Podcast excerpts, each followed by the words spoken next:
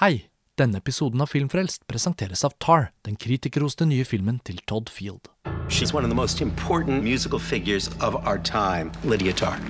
Kate Blanchett spiller hovedrollen som Lydia Tarr, en banebrytende, talentfull og kontroversiell figur i klassisk musikk. Tarr er nominert til hele seks Oscar-priser, inkludert for beste film, og Blanchett har allerede vunnet en rekke priser for sin briljante rolletolkning. Dette er et fascinerende portrett av en kompleks kvinne, og en film som fyller det store lerretet med både episke bilder og intens dramatikk. No. Tar vises på utvalgte kinoer fra fredag 10. mars.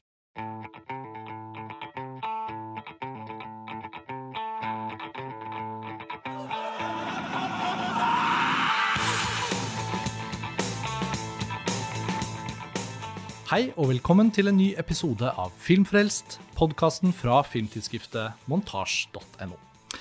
Mitt navn er Karsten Meinick, og i dag har vi en spesialepisode å by på. Vi har besøk av to norske filmskapere her i podkasten vår til å snakke om den nye kinoaktuelle filmen sin. Filmen det gjelder, er en dokumentarfilm. Den heter også Den siste filmen, og er et portrett av filmskaper Petter Vennerød, som eh, jo de fleste kjenner som del av filmskaperduoen Vam og Vennerød. Eh, Til høyre for meg her så sitter du, Karianne Førland Vennerød. Velkommen til Filmfrelst, Tusen takk. og gratulerer med filmen. Takk. Og eh, filmens andre regissør, Olaug Spissøy Kyvik, velkommen til deg også. Takk for det.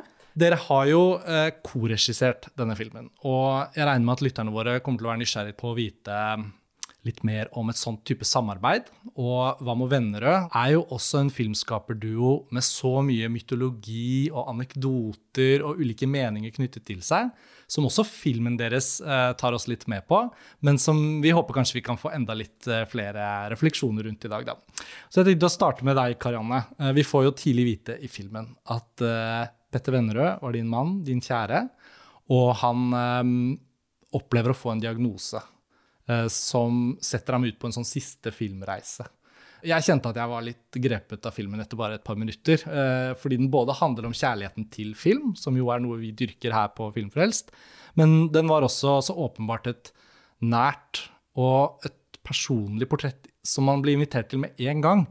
Og ikke en sånn objektiv en måte, filmhistorisk gjenfortelling bare. Så hvis du kunne begynne å fortelle oss litt, da. Hva var det Petter holdt på med før dette ble på en måte en film du også måtte være med å lage? Hvor var dere i livene deres, og hvor var han som filmskaper når denne filmen starter?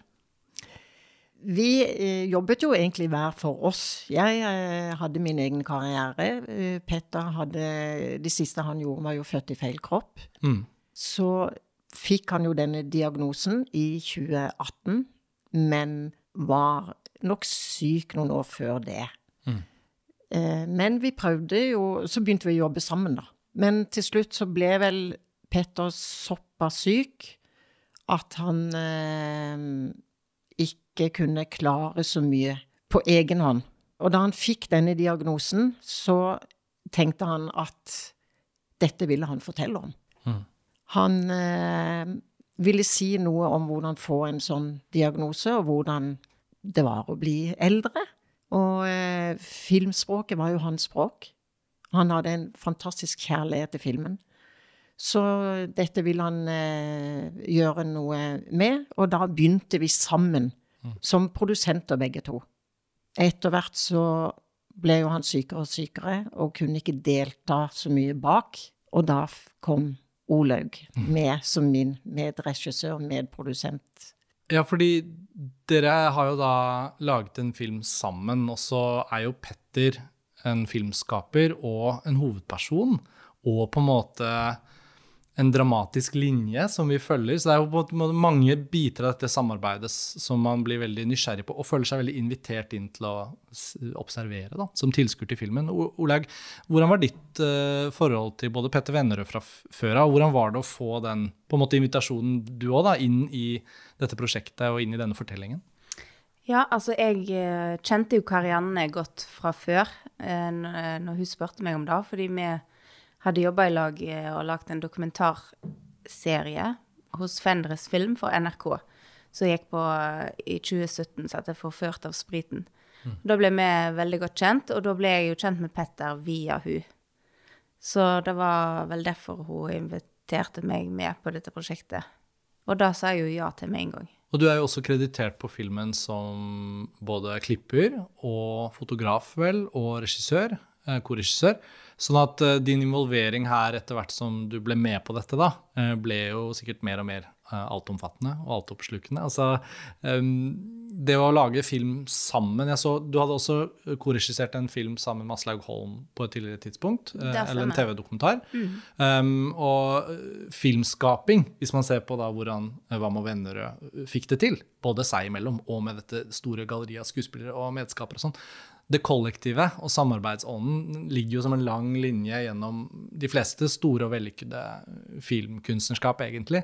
Det fremstår jo for meg også som om dere har hatt en utrolig fin tone for å få fram dette portrettet. Da. For det er så mange steder hvor man kan trå i ulike retninger og få veldig ulike filmer ut av dette materialet, og ut av Petter som en hovedperson som befinner seg i den helsesituasjonen han gjør. Da. Hadde dere noen sånn periode hvor dere måtte finne litt ut av hvordan denne filmen skulle lages, eller kjente dere at eh, det lå litt naturlig hvordan det kom til å bli gjort? Altså, jeg og Karianne har egentlig vært veldig enige om hva type film dette skulle bli veldig tidlig.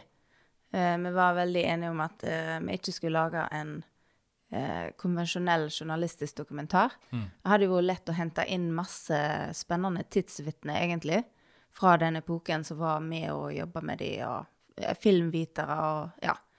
En kan jo lage mange filmer om Vam og venner og enda. Jeg håper ikke dette blir den eneste. Men i og med at eh, utgangspunktet var at Petter ville fortelle hvordan det var å få en sånn diagnose, ta oss med på baksida av det, så følte vi at det var veldig viktig å skjære inn til beinet hvor mye mer det skulle være plass til.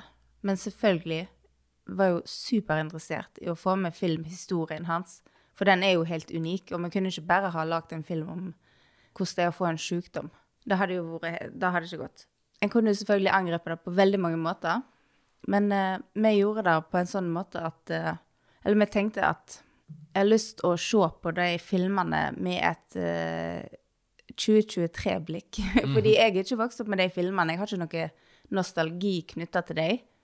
Jeg er født i 84, så eh, jeg er vokst opp med åpen post-ironien. Uten at Ja. jeg egentlig visste hva jeg lo av. Strengt Altså, samme her. Jeg, si, jeg er født i 1982, og jeg har ofte tenkt på det at nesten med en slags sånn skam nå, for nå er jo ikke jeg i det hele tatt, føler jeg, eh, ordentlig en del av ironigenerasjonen, men vi var på en måte publikum, et ungt publikum til den generasjonen, Åpen post, eh, Lille Lørdag, og Eia, Bård Tufte Johansen og sånn.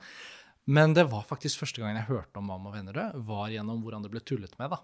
Sånn at eh, jeg kjenner meg veldig igjen i det. Ja, jeg tror det er mange som gjør det. Og Mm. en annen ting jeg tenkte på her en dag, er at jeg tror egentlig det indirekte har påvirka meg til å, eh, å være veldig lite interessert i norsk filmhistorie fra begynnelsen.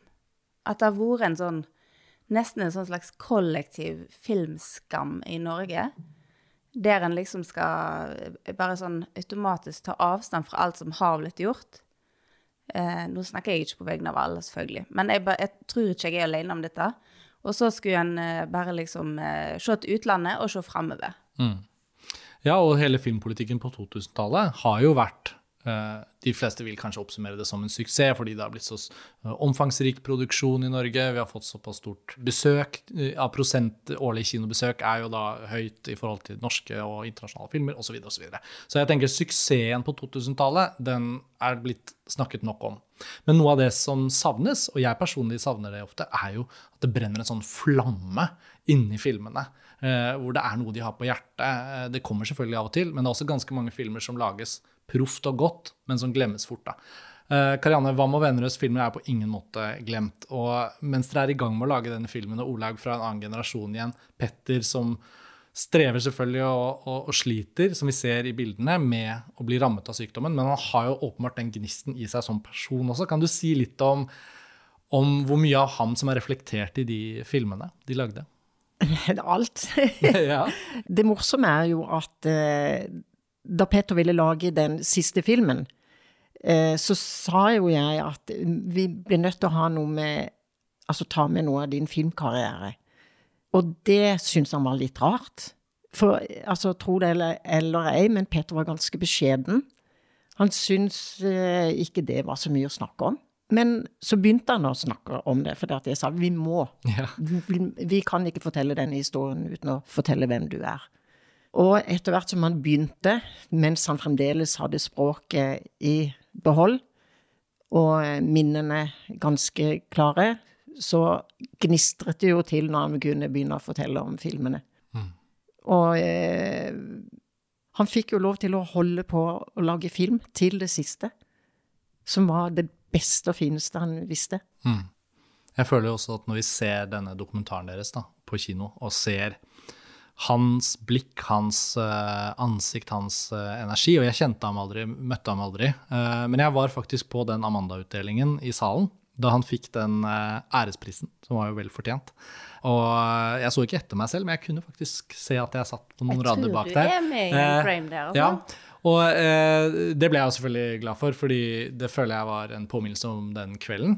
Men den følelsen i rommet, det mener jeg å huske var Og det er det jo heldigvis som regel når noen får den æresprisen. Men da kjente jeg liksom at jeg tror den anerkjennelsen som kanskje man ikke er så flinke i Norge til å si hele tiden, den kommer av og til voldsomt til uttrykk. da. Og, og, og det kjenner jeg jo også ligger gjennom hele filmen deres når vi ser den i dag. Den har jo akkurat hatt premiere på kino og kommer til å gå i flere uker og måneder fremover, håper jeg. Og, og den, den applausen og den hederen som kommer når man ser dette i filmen deres, er jo pakket inn av vemodet rundt hvor han er i sin helsesituasjon. Da. Så å se den scenen på en måte om igjen i filmen deres, det gjorde det også veldig Jeg ble veldig beveget av hvor, hvor, på en måte hvor kort tid vi har på oss egentlig å gjøre inntrykk da, på hverandre eller kunstnere. For det er jo et kunstnerportrett. Hvor viktig det er å putte hjertet sitt inn i det man lager. Da. Eh, og det, det tenker jeg at eh, hvis filmen deres også er med å eh, inspirerer nye generasjoner, da, yngre enn oss til og med, Olag, så, så tenker jeg at eh, det å, det å oppsøke Hva med venner og filmene må jo nesten bli liksom en, ny, en ny trend, håper jeg da. Eh, Og det er jo litt i gang, for den har jo hele tiden hatt sine fans, da, den katalogen. Og jeg vet ikke hvor, hvor stor grad var Petter klar over at han hadde en sånn cult following, nesten, med entusiaster som, som har dyrket filmene hans fra videokassettens tidsalder opp gjennom de tidlige DVD-utgavene som kom. Jo, men han var absolutt klar over at han hadde noen fans der ute. Ja. Ja. Eh, men eh, som jeg sa i stad, han var liksom beskjeden. Eh, så han Han hadde ikke så lyst til å snakke så mye om det. Nei. Det er nesten litt Det- det- overraskende på en måte for meg, men, men det viser jo bare at mytologien og liksom den omtalen rundt en person trenger ikke nødvendigvis alltid reflektere eksakt eh, hvem han er. Eh, Og vi blir jo veldig mye bedre kjent med ham i filmen enn jeg tror mange hadde kjennskap til fra før av. Men mye i filmen er jo også hentet fra filmene de lagde. Og siden jeg vet at du også har klippet eh, filmen Nordlaug, og at dere har jobbet da med å restaurere, og, eller at dere har sikkert vært involvert i eller sett eh, digitaliserte, restaurerte utgaver av disse filmene, og hatt kanskje alt materialet tilgjengelig for alt jeg vet. Hvor, hvordan var det for ham, eller hvor mye fikk dere klippet og vist og prøvd ut sammen med ham før han ikke kunne delta lenger? da? Ja, altså, Peter har jo ikke deltatt i klippen, sånn sett. Han har eh, Han ga jo feedback på den første piloten vi lagde. Er det den scenen i filmen hvor han også får se litt av seg selv på laptopen der? Nei, nei, da er han jo blitt kjempesjuk. Ja, ok, så, det er ikke, Han har fått se ting tidligere enn det? Ja, ja, ja. Det er absolutt ikke det første han ser. Han, eh, begynt, han og Karianne begynte jo å filme alene. Karianne eh, brukte mobil til å filme han i 2018. Eh, og fikk gjort noen superfine opptak med mobil. Og de så jo de på i lag. Eh, og han ga henne kommentarer på liksom Ja, dette er fint. Og ja. Og liksom, kanskje du av og til må ta nærbilde, selv om jeg ikke liker at du kommer. Men det er greit, liksom. Du, du må nesten bare gjøre det. Så han, eh, han ga jo innspill hele veien, fordi han var jo filmskaper på sin hals. Det var jo Det kom bare automatisk. Ja, så første piloten vi lagde, det tror jeg var i 2019. Vi har jo lagt flere piloter underveis her. Ja, altså For de av lytterne som ikke vet, så er jo nesten alle dokumentarer, særlig kinodokumentarer, er jo gjenstand for ulike faser av utvikling og opptak, utvikling og opptak. Man klipper en pilot, sikrer noe mer finansiering osv. Har det vært litt sånn for dere også, at det har vært mange runder? Ja, ja, ja. Det Ja, jo, men vi har jo vært i utvikling eh, hele tiden, egentlig, til ferdig film. Ja, skjønner. Vi bestemte oss for at denne filmen skal vi lage. Vi fikk eh, mye mot stillstand i starten. Kom en pandemi inn der imellom også? Ja, men det gjorde jo ikke så mye, for jeg bodde jo sammen med Petter og kunne Ja, sånn, ja. med Nettopp. mobilen, og, så det spilte jo for så vidt ingen rolle. Nei. Men det var jo veldig mange som eh, ikke trodde at vi kunne klare å lage disse to historiene og sy de sammen.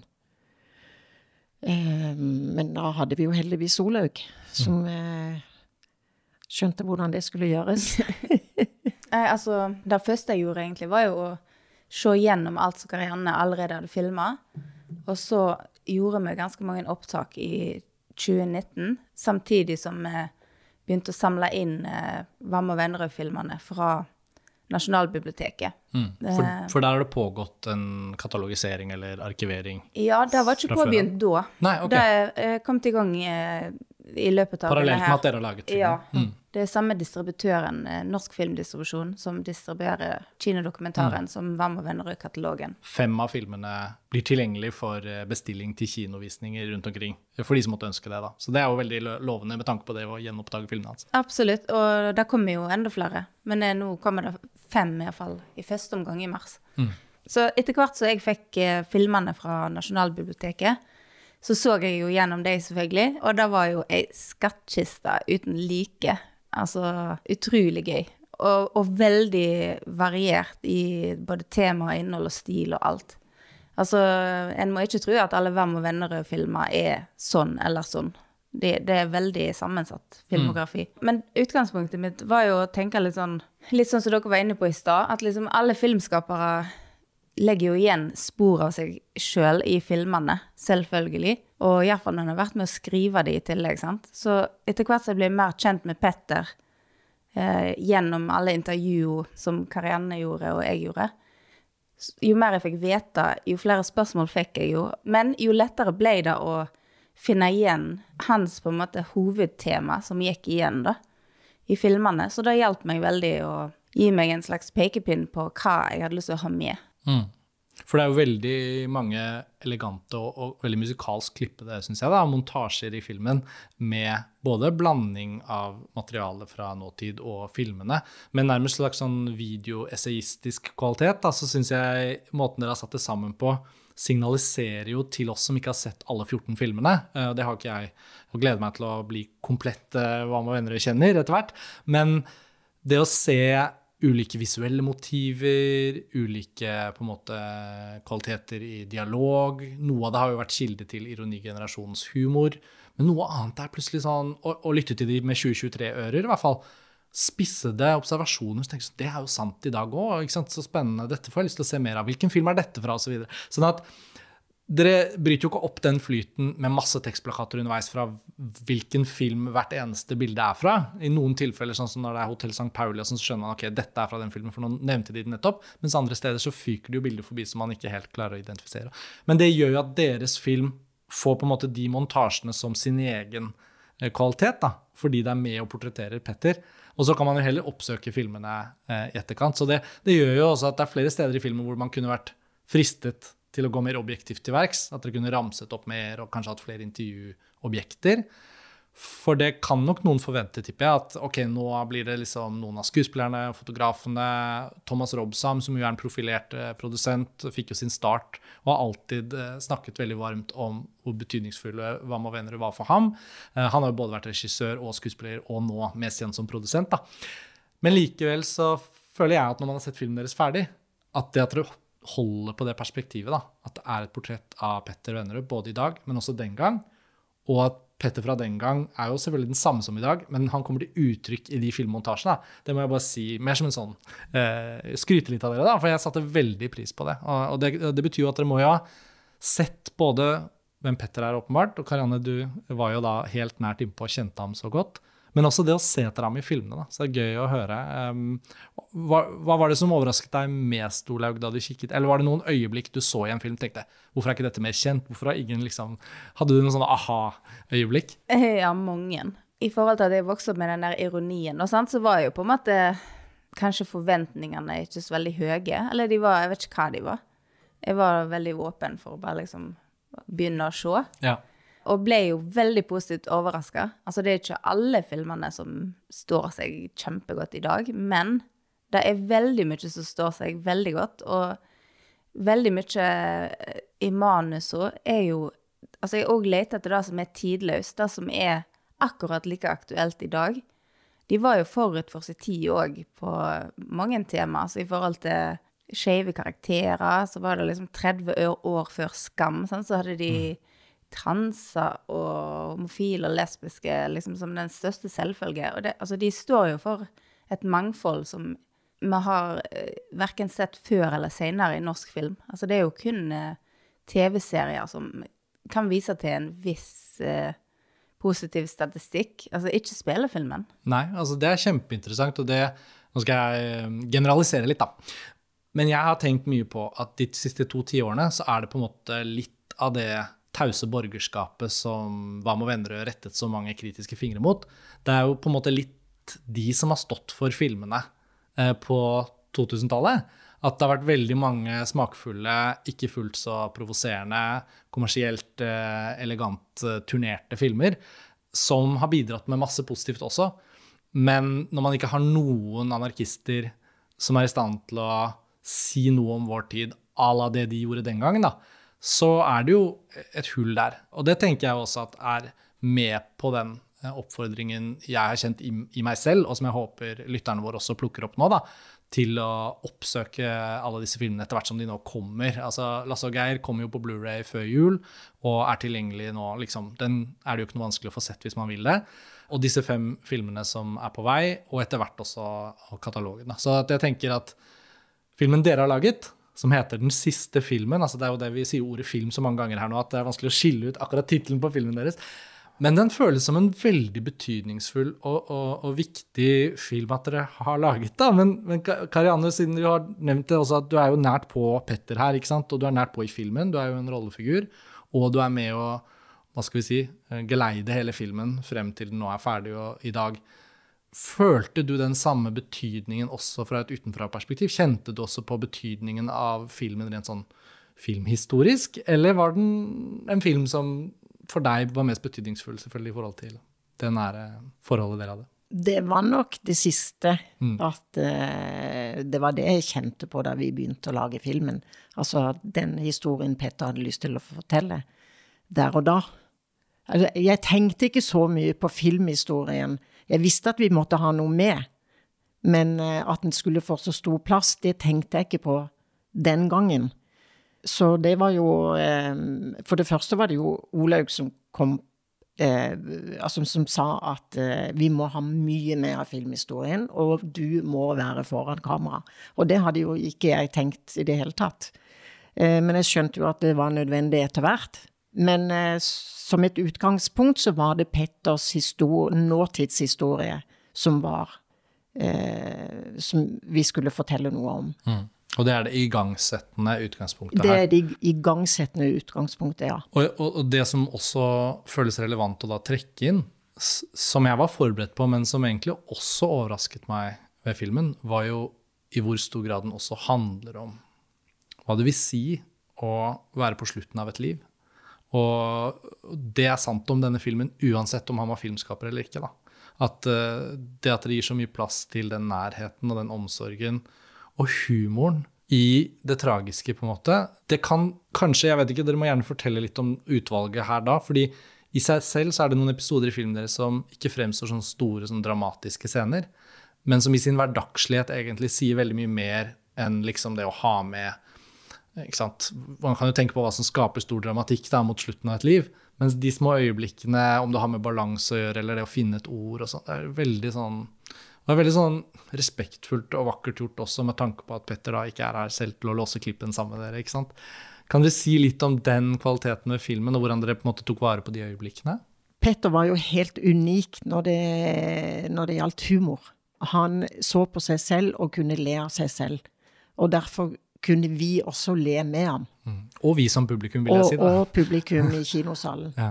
Og jeg tror det var fordi at han fikk lov å lage film som var det fineste han visste. At han fikk lov til å gjøre det helt til siste dag, omtrent. Bare det at han var i eh, aktivitet, han var i gang. Han gikk ikke ned i kjelleren og syntes synd på seg selv.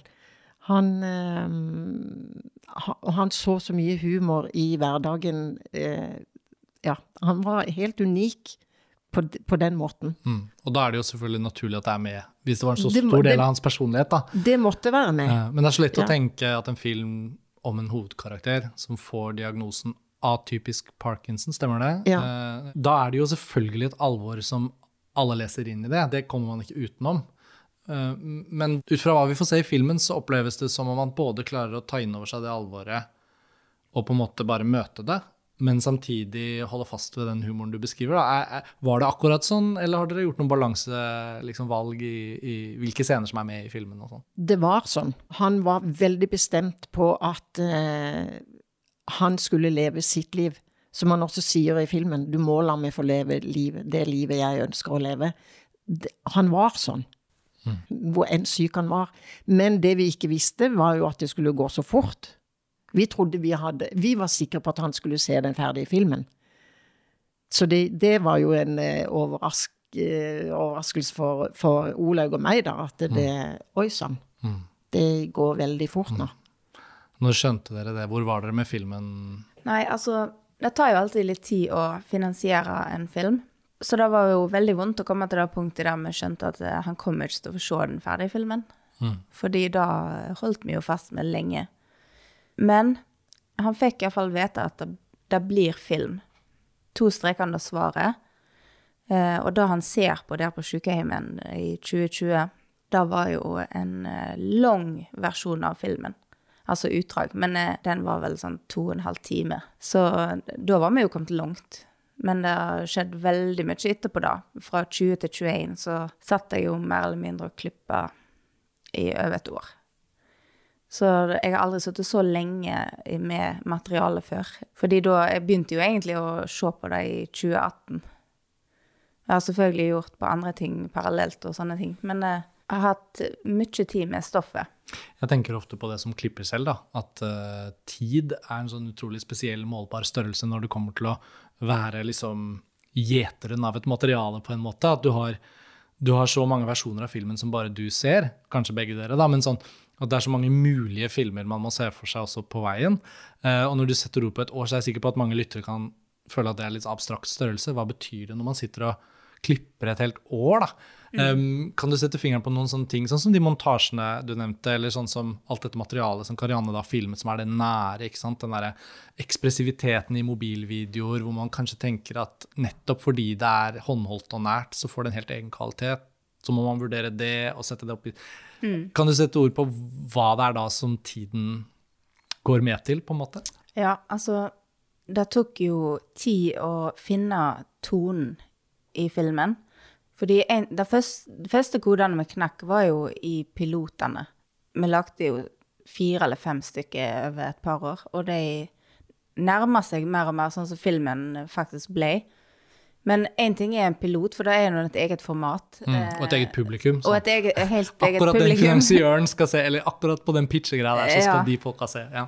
Men det som tok mest tid, var jo selvfølgelig å finne den balansen mellom sykdomsutviklinga og filmhistorien. Det var den største utfordringa med filmen, egentlig. I tillegg til å, å liksom få, få de opptakene vi trengte, i tide. For vi fikk det etter hvert veldig travelt i 2019 med å få de opptakene vi trengte for å lage en eh, lang kinofilm, og ikke en kort, kort dokumentar. Ja, ikke sant? Ja, på grunn av at helsa eh, gikk så fort på ned. Eh, men da klarte vi i siste liten. Og så på et tidspunkt så forstår dere vel også at slutten av livet hans blir en del av fortellingen, da, på noe vis. Eh, Der må det jo ha vært vanskelig å tenke på seg selv, Karianne, som regissøren av en dokumentar, eh, ved siden av det å være hans nærmeste. Ja, altså, det har jo vært en berg-og-dal-bane. Det, og hele følelsesregisteret har jo vært med. Men samtidig så har jo dette vært en fantastisk fin eh, prosess. Jeg visste jo at dette var jo en historie Peter ville fortelle. Eh, dette ville jeg veldig gjerne fullføre. Og eh, jeg klarte å se det litt utenifra.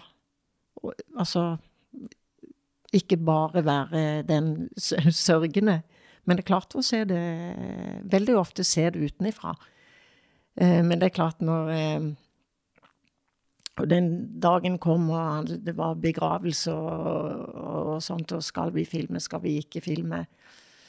Men da, heldigvis, så var vi to stykk.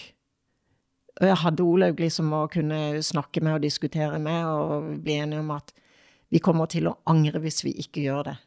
Og Petter hadde blitt dritforbanna hvis vi ikke hadde gjort det. Og han sa jo også til meg, som ikke er med i filmen, du skal filme begravelsen. Så det med Ja, det må jeg jo bare gjøre. Mm. Ja, jeg syns jo det er veldig sterkt underveis i filmen når man skjønner at Petter har på en måte også ønsket å Han kommanderer jo veldig lite, selv om han også sikkert er en, en sterk skaperstemme i dette. Så oppleves det ikke sånn som man ser filmen, at han kommanderer vel så mye som at han legger igjen noen signaler. Eh, eh, han kommer med noen forslag, han sier noen ting, og så når, nå skal ikke jeg snakke direkte om hvordan filmen faktisk slutter, men eh, til alle dere som gleder dere til å se denne filmen, så kan jeg bare eh, understreke at det er et veldig løft å, å følge denne filmen helt til sin slutt. Og der får jo Petter også være med helt uh, til det siste. da, Så, så der syns jeg også at dere finner en måte å liksom lage en sirkel gjennom både hvordan vi ser filmen, og gjennom det at selv om et liv tar slutt, så betyr det ikke at man slutter å ha livet til den personen med, med seg, med oss. Nei. Så det der med å liksom klare et sånn vanskelig øyeblikk som begravelsen og vite om man skal filme. Det, det forstår jeg. Det, det, forstår jeg skikkelig godt. Og så mm. syns jeg også måten hans uh, begravelse fortelles Dere er på en måte nært, åpenbart, fordi vi har blitt kjent med deg, Karianne, liksom som mm. en av karakterene, og, og, vet jo hva som skjer. Men pga. at bildene også finner da sin egen ro og poesi, så minner det jo litt om hvordan vi er i en begravelse ofte. Mm. At det er ikke så mange som snakker sammen særlig mye.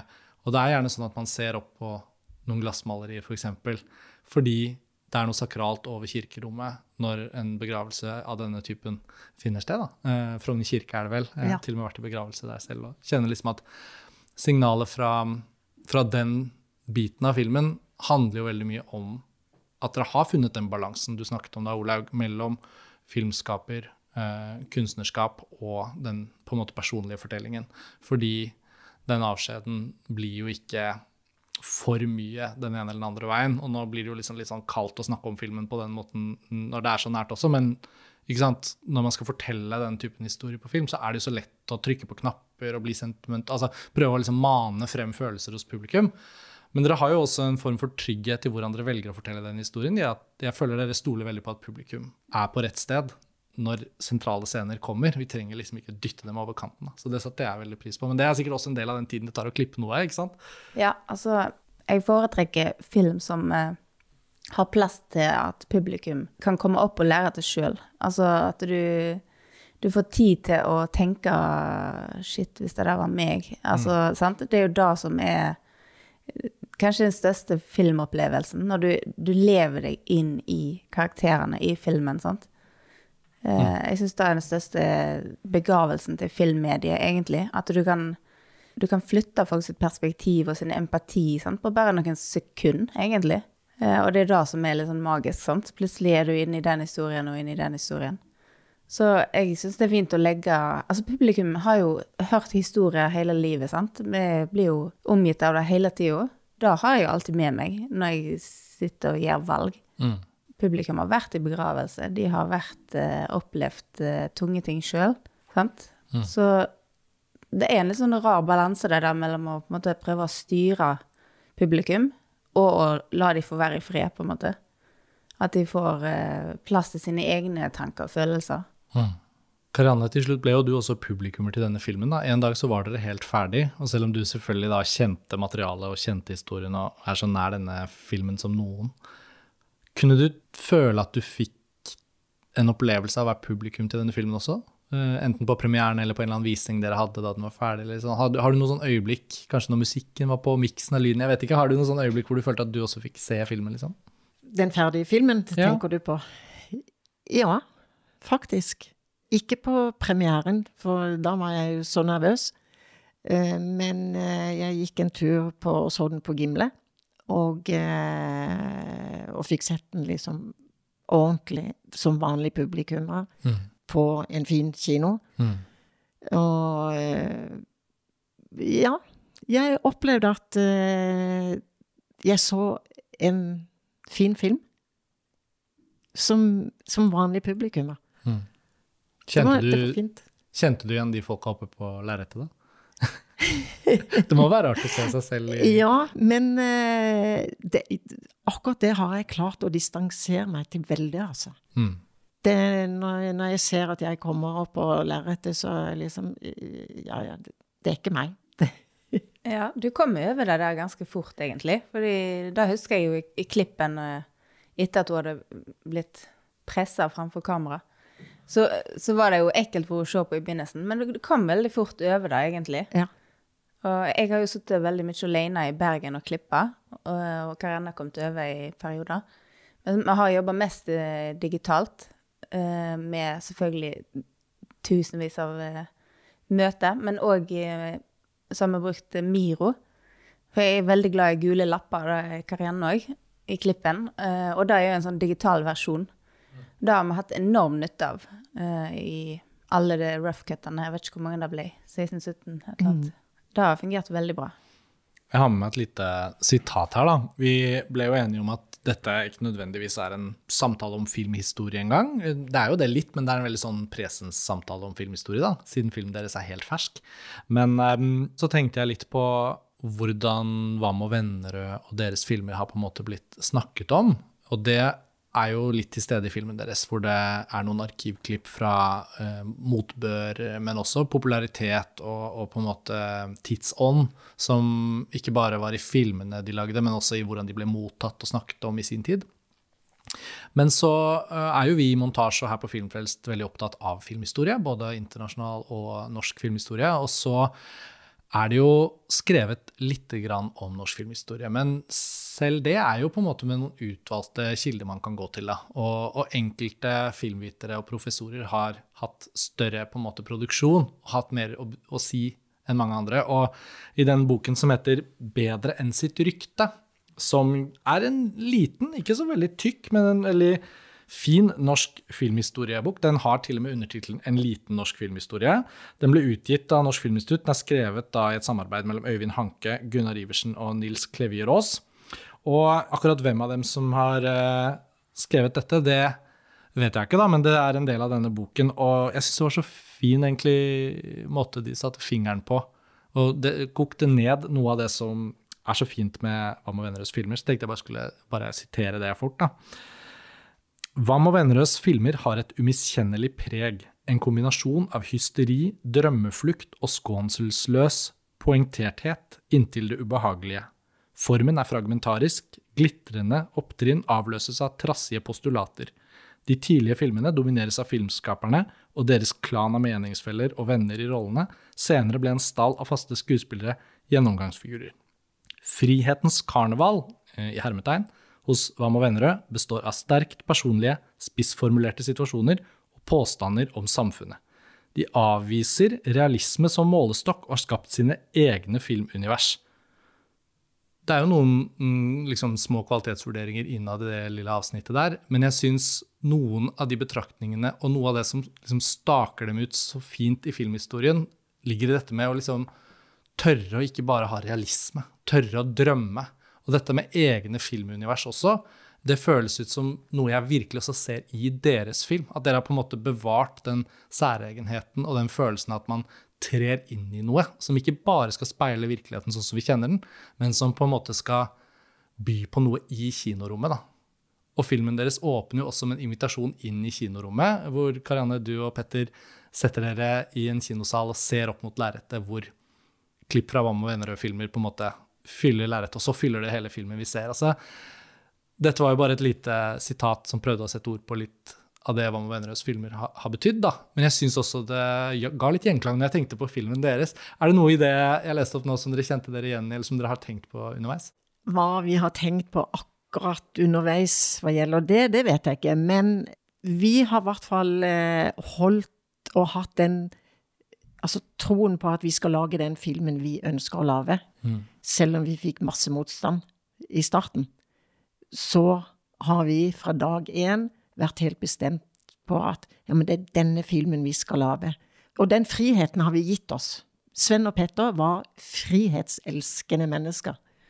Og jeg, eh, jeg syns at, eh, at vi har fått til akkurat den tanken, hvis, det går an å si det. Ja, det var enormt viktig at ikke vi skulle gå på kompromiss med visjonen vår på denne filmen. For da hadde det på en måte føltes helt feil i forhold til hvem vi lagde film om. Eh, så vi var jo så heldige å få med eh, For TV-kanalene ble jo ikke med på dette her i begynnelsen. Men da ble Cinemateko, og da godtok eh, instituttet. Og dermed så har vi fått jobba veldig i fred kreativt. Og det er jo litt sjeldent, egentlig, på spesielt dokumentar, men eh, sikkert fiksjon òg. Så det har egentlig vært helt fantastisk. Jeg føler filmen bærer preg av noe av det dere nå setter ord på, også i form av hvordan dere både har jobbet frem over tid en ganske sånn stram og gjennomtenkt struktur og flyt og tone som du har snakket om allerede, Olaug, men også denne litt rebelske tonen. Da. Og det kommer jo selvfølgelig gjennom Petter som hovedperson, men også gjennom hvordan dere velger. ikke sant? At han tar på seg disse hodetelefonene når han går inn i lydstudio der og skal lese på en måte sin egen fortelling, er litt inntrykket man får. Men så er vi jo også med gjennom røntgenmaskinen inn i hjernen, eh, hvor det medisinske blir nesten litt sånn helt sånn Man kommer ned på et sånt hjernecellenivå, nesten. Og dette skjer jo i det visuelle. Det er jo ikke sånn dere måtte hatt med, men dere velger å ha det med. Og jeg føler liksom at visualiteten til Wam og Vennerød har nesten blitt minst snakket om ved hvor, hva de hadde av særpreg som filmkunstnere. Det er veldig mye snakk om dialogen. Det er jo en egen utrolig herlig liten bit av filmen deres hvor dere har et eh, arkivklipp fra Petter Nomes TV-program. Han hadde jo mange TV-program da jeg vokste opp. Jeg tenkte mye på Rondo og sånn. Og så, Dette husket jeg ikke i det hele tatt, jeg kan ikke huske å ha sett det. Men at det het Nomes ark, da tenkte jeg bare Oi, det var en annen tid. Men de svarer han så utrolig bra der, da. Og den er jo, er jo gull. Jeg regner med at dere så fort dere så det, jeg tenkte det må jo med i filmen. I hvert fall eh, ja.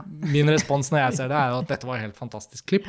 Men i løpet av så få sekunder så sier det også så mye, så, så mye om dem, da.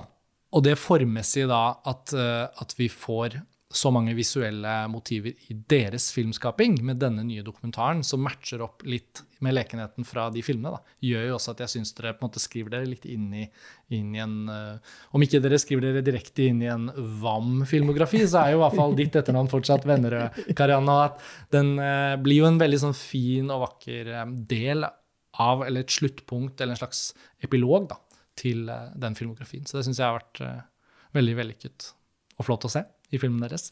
Tusen det var ikke helt et spørsmål, men jeg, jeg, føler jeg må benytte anledningen også til å si litt hva jeg tenker om filmen. Um, jeg tenkte jeg skulle spørre om noe nå som vi nærmer oss slutten. Og det er jo rett og slett Vam. Sven Vam. Han gikk bort i 2017. Og han har vi jo ikke noen dokumentar om. Hva kan du si om hvordan Petter og Sven hadde det som venner og kollegaer i årene etter at de var på sitt mest aktive? da? Hvordan ble deres avslutning seg imellom? For jeg vet jo at Sven Bam var jo også syk eh, lenge før han døde. Sven var syk i veldig mange år. Mm. Eh, de beholdt vennskapet. Den siste filmen de gjorde sammen, var jo 'Sebastian', men Petter var jo også litt involvert i noe av det Sven gjorde etterpå. Så, uh, så begynte de å jobbe med kinodrift, mm.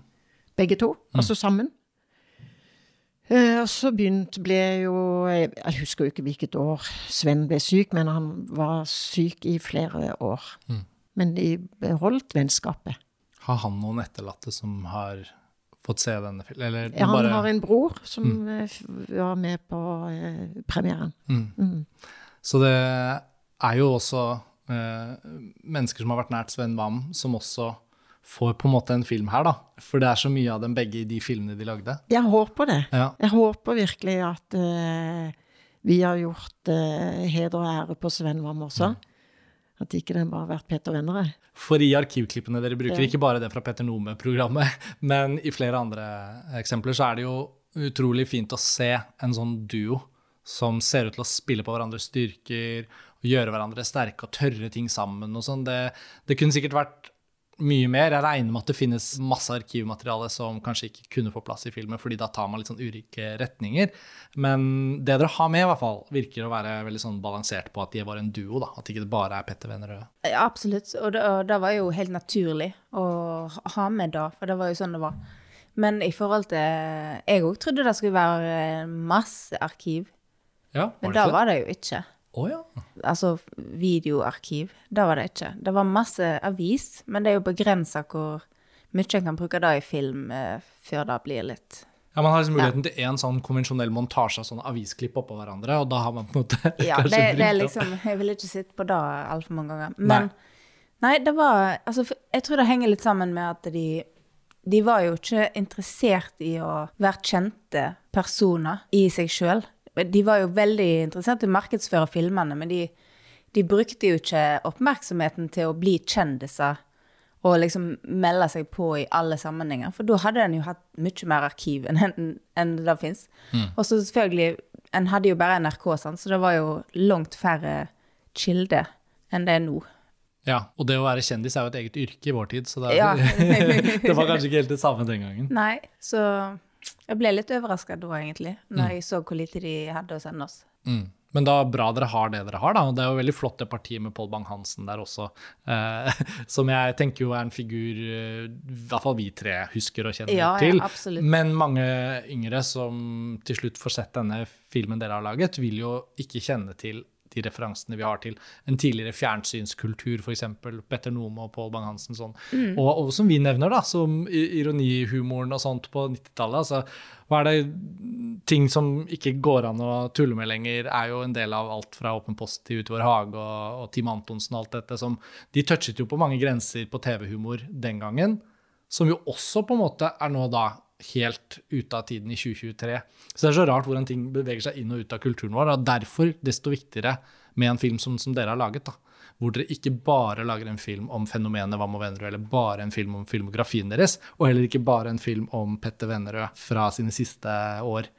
Så den kombinasjonen som vi har vært litt inne på nå, den syns jeg dere treffer veldig bra. Og jeg syns det er da en av de kvalitetene som også gjør at man får lyst til å se disse filmene. da. Fordi man ikke føler at man faktisk får vite så mye om dem i filmen deres, men man får liksom smakebiter hele tiden. Ja. Ja, jeg blir jo eh, litt sånn trist når jeg ser Pål Bang-Hansen-klippa, fordi liksom ah, Hvor er vårt filmprogram i dag? Sant? Det har jo bare forsvunnet helt ut av eh, NRK. Ja, det er veldig sørgelig. Nå har vi blockbuster på VG, liksom, og så selvfølgelig podkaster og nettsider og artikler. Men altså, vi hadde jo tålt et uh, filmprogram, altså. Ja, jeg er den første til å, til å skru på, holdt jeg på å si, hvis vi får et uh, nytt uh, filmprogram av noe slag. Det hadde vært fantastisk. Og jeg Ja. tror, jeg tror egentlig at man har jo mer å snakke om enn noen gang før. Filmhistorien har blitt bredere og større og rikere. Det lages mye mer. Folk er veldig opptatt av serier, men også filmer, tross alt. Selv om det skjer fra sofaen. Så ja, det er en liten brannfakkel. Ja, det er en liten Eh, brannfakkel. Og, òg liksom at en må snakke litt mer om norsk film. Ja. Eh, norsk film er litt for usynlig. Når vi får f.eks. en film med i Cannes, så tror jeg de fleste de, de aner ikke hvor stort det egentlig er. Altså det er det er liksom, En skjønner det når en fotballspiller gjør det stort, og, sant? men Mm, hvis en visste hvor smalt det nåløyet er Ja. Så derfor måtte jeg bygge ut litt den der Cannes-sekvensen. Ja, ja, ja. ja nei, det er veldig flott, og, og det jeg tror også mange ikke engang ville visst det, da, hvis du spurte dem. Var Vam og venner noen ganger kan med en av sine filmer, f.eks., og markedsførte seg i markedet og gjorde de utrolige promokampanjene og alt det der. Altså, sånn, så det er veldig masse dere har med i filmen, men dere er også disiplinerte nok til å, til å Hva heter det på engelsk? Leave us wanting more, på en måte. Og dette mer tenkte jeg kunne være en fin avslutning for oss nå, da, fordi deres dokumentarfilm, den siste filmen, den er nå kinoaktuell. Og i tillegg så er det da fem av disse restaurerte Hva med venner-filmene som er klare. Og hvilke fem filmer er det? Husker vi det på stående fot? Det er i hvert fall, Adjø eh, solidaritet, bryllupsfesten, eh, Lasse og Geir Åpen fremtid og Åpen Ja. Drømmeslottet. Og og. Drømmeslottet. Så jeg tipper de fleste av lytterne har i hvert fall én film der de ikke har sett, kanskje flere. Og her er det jo faktisk også litt sånn, som jeg forstår det, publikums mulighet til å etterlyse og be om å skrive til sine lokale kinoer og si at vi ønsker at dere skal kjøre en runde med Vam og Vennerød-filmer. Kanskje det kan settes opp som en sånn samlet visningsserie eller noen enkeltvisninger. Så for de som hører på, så er det nå Norsk Filmdistribusjon, distributøren som da har katalogen, og som også har vært med å få filmen deres da ut på kino. De er tilgjengelige for eh, informasjon om disse filmene. Og i Norge er det jo fortsatt sånn at mange steder så har man kinoer som som drives kommunalt fortsatt, og også private kinoer som har et veldig sånn, nært forhold til sitt lokale publikum. Så jeg oppfordrer jo virkelig da, at folk eh, etterlyser og ber om disse filmene rundt omkring, sånn at vi får liksom, begynne å høre anekdoter om nyoppdagelser av Hva med venner-filmer fra ikke bare generasjoner som husker filmene, men også da enda yngre, som sikkert kommer til å se ting i de filmene som, som speiler den det alvoret da, utenfor Olje- og energidepartementet, og protestene og liksom anarkiet og, og liksom uviljen til å være med på myndighetenes ulike valg, det er jo noe vi ser i vår tid nå. Og jeg tenker litt sånn at uh, Hva med venner-filmene? Kanskje de egentlig passer bedre enn noensinne. Det tror jeg faktisk. Mm. Hva med Vennerød-festival? Ja, ikke sant? Ja. Og da er jo deres film en naturlig del av det, da. På den ene eller den andre måten. Ja, det som er veldig viktig å få med, det er jo at film er best på kino. Ikke utsette, gå på kino med en gang. Mm. For kinoene de er litt kjappe å bla om Ja. eh, når folk eh, uteblir, så en må skynde seg. Støttes. Og eh, forbrukermakt, ikke sant? Be om og spør om filmene dere ønsker å se. En av dem bør være kinodokumentaren Den siste filmen, regissert av Olaug Spissøy Kyvik og Karianne Førland Vennerød, våre to gjester som er med på Filmfrelst i dag. Tusen takk for at dere tok dere tiden til dette. Takk for alt dere forteller om. Og lykke til videre med distribusjonen av filmen og ulike visninger hvor dere sikkert skal være der og snakke osv. etterpå. Og så håper vi jo å høre mer fra dere begge i de ulike lanseringsprosessene for Hva må venner-katalogen. Så tusen takk, og ha det bra. Tusen takk. Tusen hjertelig.